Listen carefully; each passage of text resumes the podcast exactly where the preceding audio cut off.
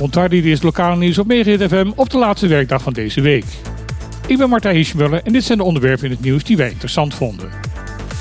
De Nederlandse regering heeft een onafhankelijke commissie ingesteld om onderzoek uit te gaan voeren naar het instellen van een sociaal minimum in Caribisch Nederland. De commissie gaat kijken naar wat huishoudens op de drie Bres-eilanden aan inkomen nodig hebben om een menswaardig bestaan te kunnen leiden. Het onderzoek gaat dit keer verder dan eerder onderzoeken van onder andere Nieuwut. Er zal namelijk ook gekeken worden naar de draagkracht van de lokale economie en naar de kosten van het levensonderhoud op de eilanden. Het kabinet heeft echter gekozen voor een aparte commissie voor Caribisch Nederland, omdat men specifieke kennis van de lokale omstandigheden op de eilanden met de leden van de commissie noodzakelijk acht. Voorzitter van de acht leden tellende commissie wordt Glento D.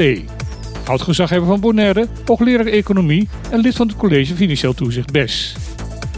Andere namen die opvallen zijn de oud-gezaghebber van Sint-Eustatius Gerald Berkel en oud-gedeputeerde van Bonaire Benny Elhagen. Met het carnaval voor de deur waarschuwt Al B voor schadelijke gevolgen van luide muziek. Dit kan namelijk leiden tot ernstige gehoorschade. Vooral kinderen moeten hiertegen beschermd worden, aangezien bij hen het gehoor nog kwetsbaarder is dan bij volwassenen. Het OLB adviseert daarom om bij feesten en optochten oordopjes te dragen. Zijn onder andere te krijgen bij de drogisterij op het eiland, maar zullen ook gratis worden uitgedeeld tijdens carnavalsoptochten. Verder raadt het OLB aan om tijdens carnaval verstandig om te gaan met middelen als alcohol, drugs en tabak, voldoende water te blijven drinken en bij optochten je goed te beschermen tegen de felle zon.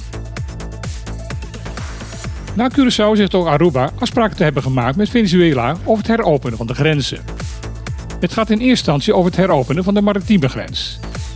Volgens de regering Wever Cruz kan de grens weer open wanneer Venezuela aan de voorwaarden van Aruba heeft voldaan. Wat deze voorwaarden inhouden, wordt niet bekendgemaakt.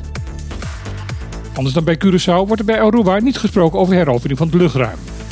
Dit was een paar weken geleden nog een dwingende voorwaarde van de overheid van Venezuela om überhaupt over heropening van de grenzen te kunnen praten. Het is opvallend dat het erop lijkt dat de landen Curaçao en Aruba zelfstandig afspraken maken met het buureiland. Normaal is namelijk binnen het Koninkrijk afgesproken dat Nederland verantwoordelijk is voor het buitenlands beleid. Het Nederlands ministerie van Buitenlandse Zaken was tot nu toe dan ook nauw betrokken bij de gesprekken met Venezuela, maar lijkt door de laatste ontwikkelingen nu buiten spel gezet te zijn. Het staatsbedrijf Bonaire Brandstofterminals BV blijft een mysterieuze onderneming. Het bedrijf werd in april 2021 opgericht onder grote druk van de toenmalige minister van Economische Zaken en Klimaat, Bas van het Woud. In eerste instantie zou de BVT alleen gaan zorgen voor een betere opslag en distributie van fossiele brandstoffen Bonaire.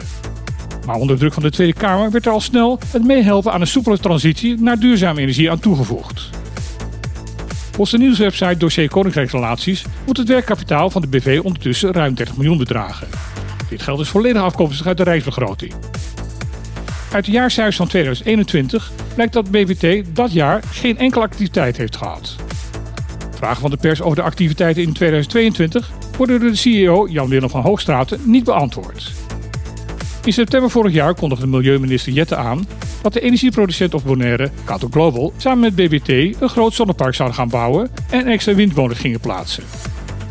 Ondertussen is Kato Global inderdaad met het plaatsen van zonnepanelen begonnen. Echter de naam van BBT wordt daarbij nergens genoemd. Volgens dossier Koninkrijksrelatie was de start van de bouw trouwens een volledige verrassing voor het bestuurscollege Bonaire en het energiebedrijf WEP. Dit was het laatste nieuwsbulletin van deze week op Megahit FM. Morgen is op deze zender van 12 tot 2 weer het programma Op de Klippen. Gast daar is onder andere Jeroen Leinders, regisseur van de film Tula de Revolt. Hij is momenteel op het eiland om een nieuwe film op te nemen. Gaat u daar naar luisteren? Nou, graag tot morgen. Of kom gezellig langs bij de Club Trocadero. En anders, tot maandag.